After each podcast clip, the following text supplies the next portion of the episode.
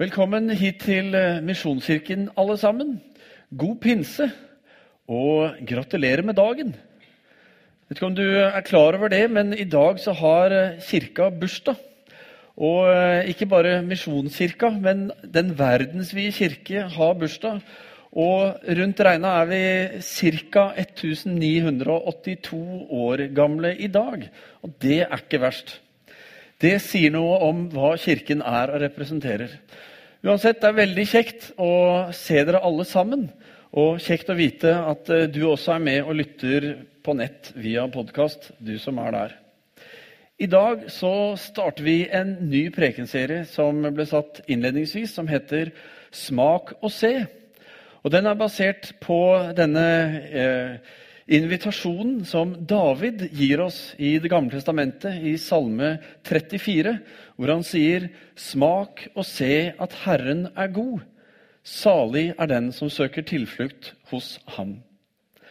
For jeg er overbevist om at Gud er god, og at eh, det er noe som, det er noe som du og jeg kan få lov til å erfare.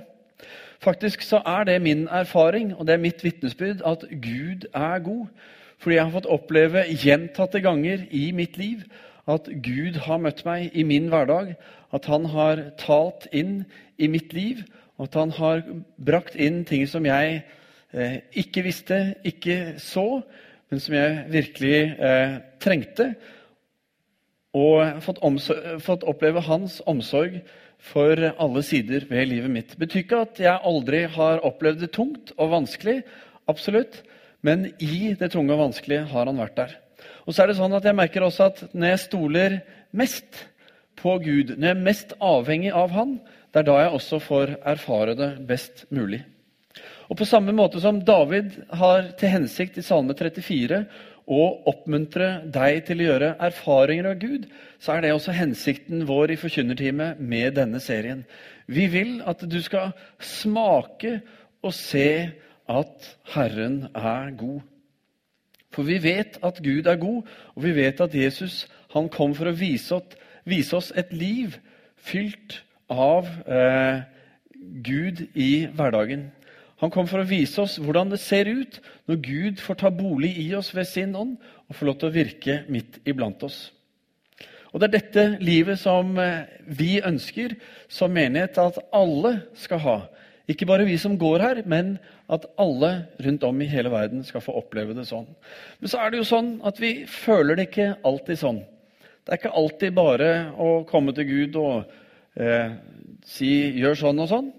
Fordi av og til så kjenner vi på bekymringer, eller vi kan føle oss alene. Vi kan føle at Gud ikke hører oss, at vi ber og ber uten at det nytter. Kanskje til og med kan vi føle oss forlatt av Gud. Eh, og dette igjen kan lede til at vi tenker at eh, det er nok oss det er noe galt med. Jeg er ikke god nok. Eller jeg er ikke flink nok til å tro. Kanskje jeg må streve mer, be mer, jeg må gjøre masse ting enda mer. Jeg er ikke åndelig nok.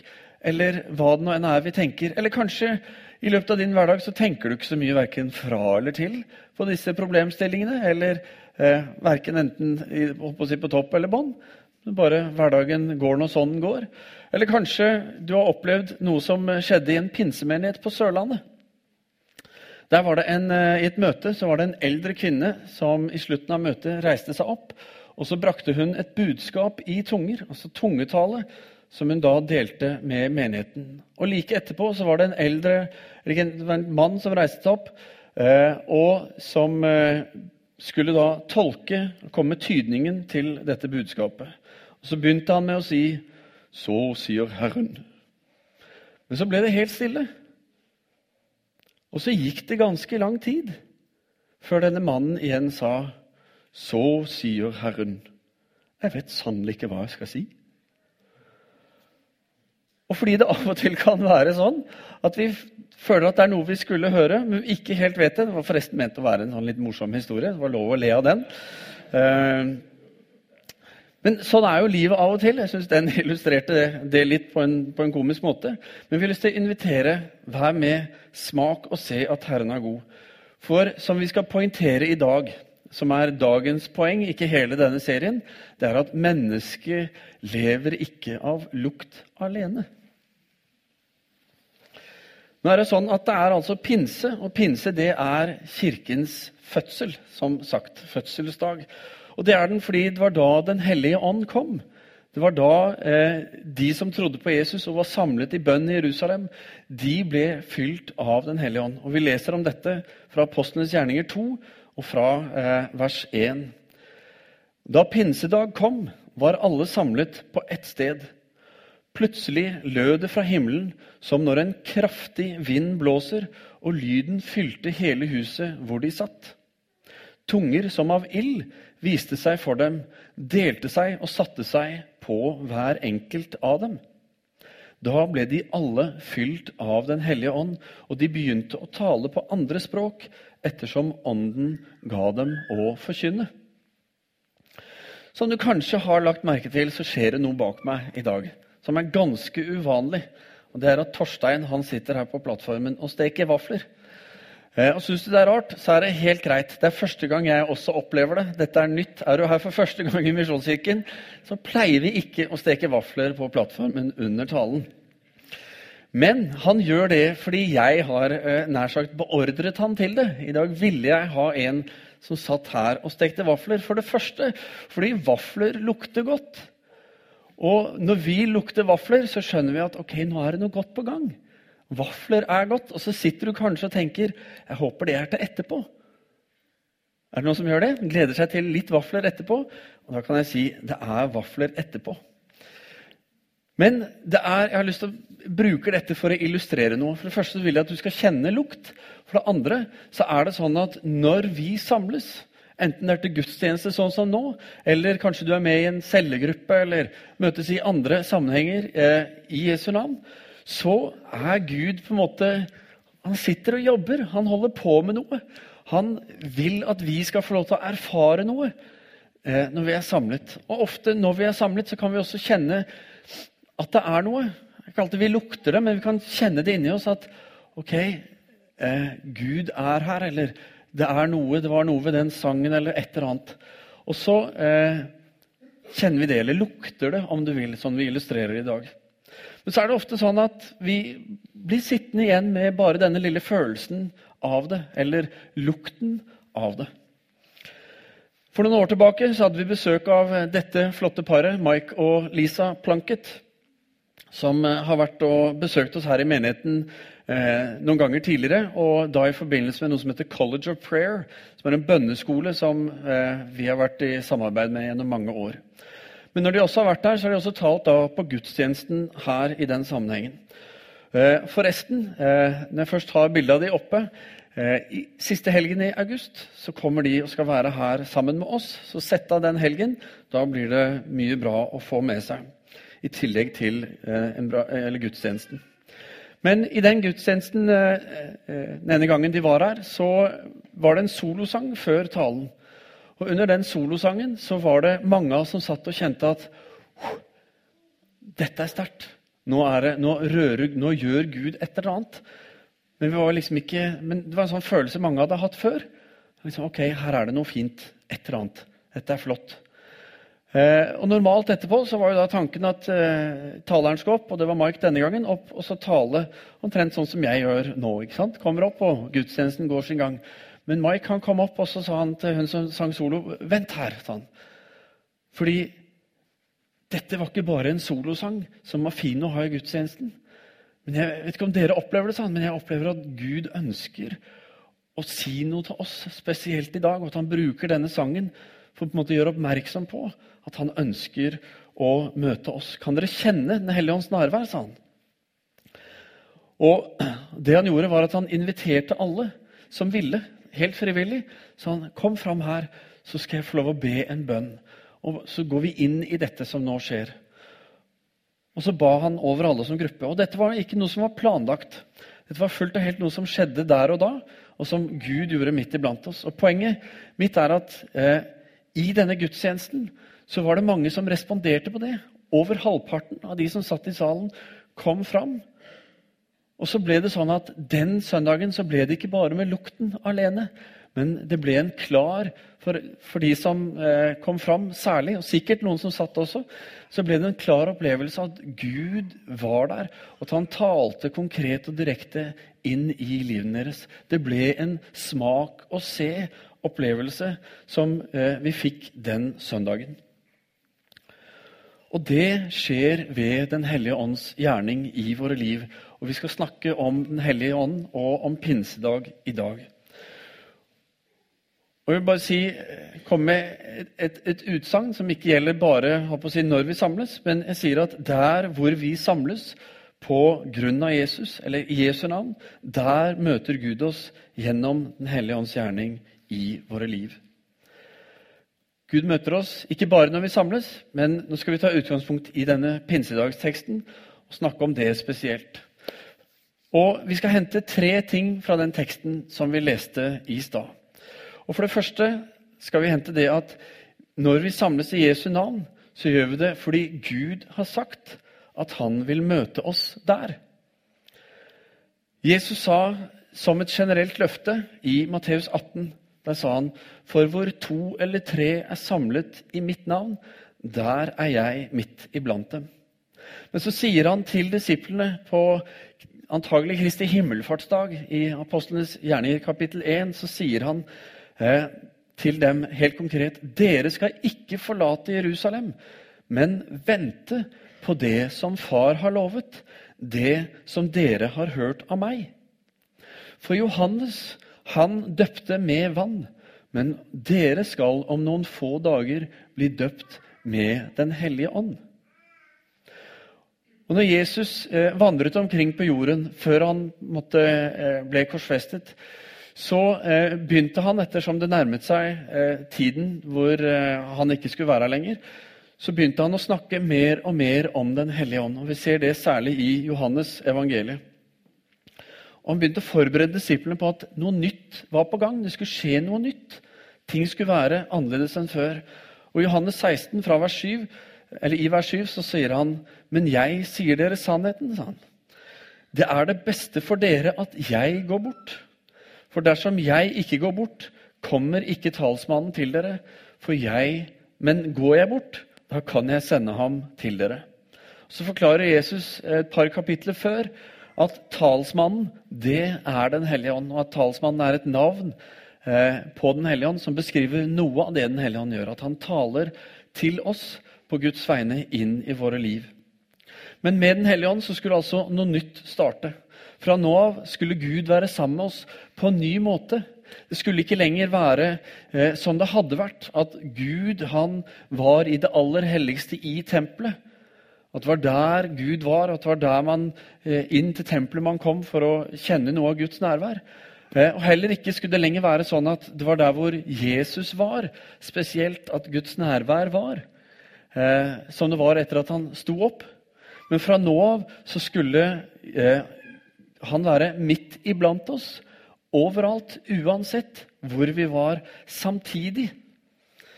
Og det skulle skje nettopp ved Den hellige ånd, som Jesus snakket om.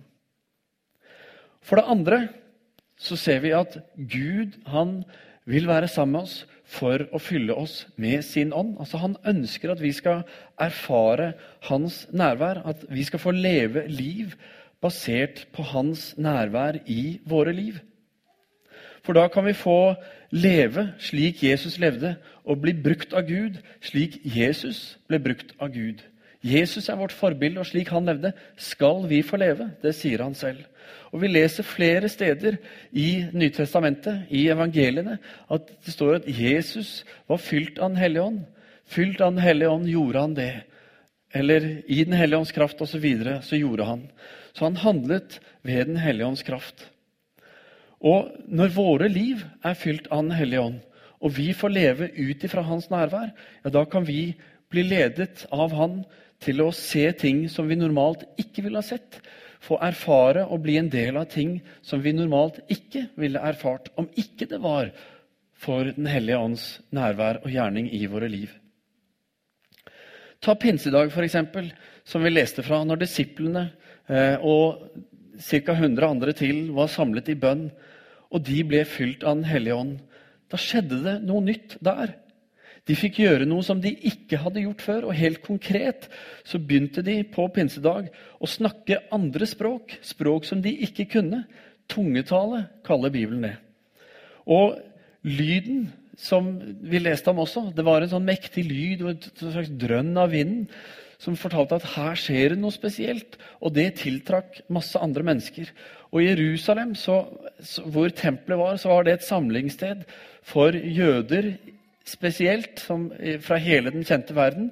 Men det var også mange handelsreisende og andre som kom dit. Og vi leser fra eh, vers 9 var en av disse mange som var der og, og hørte og opplevde det som skjedde. Sa, han sa vi er partere og medere og elamitter.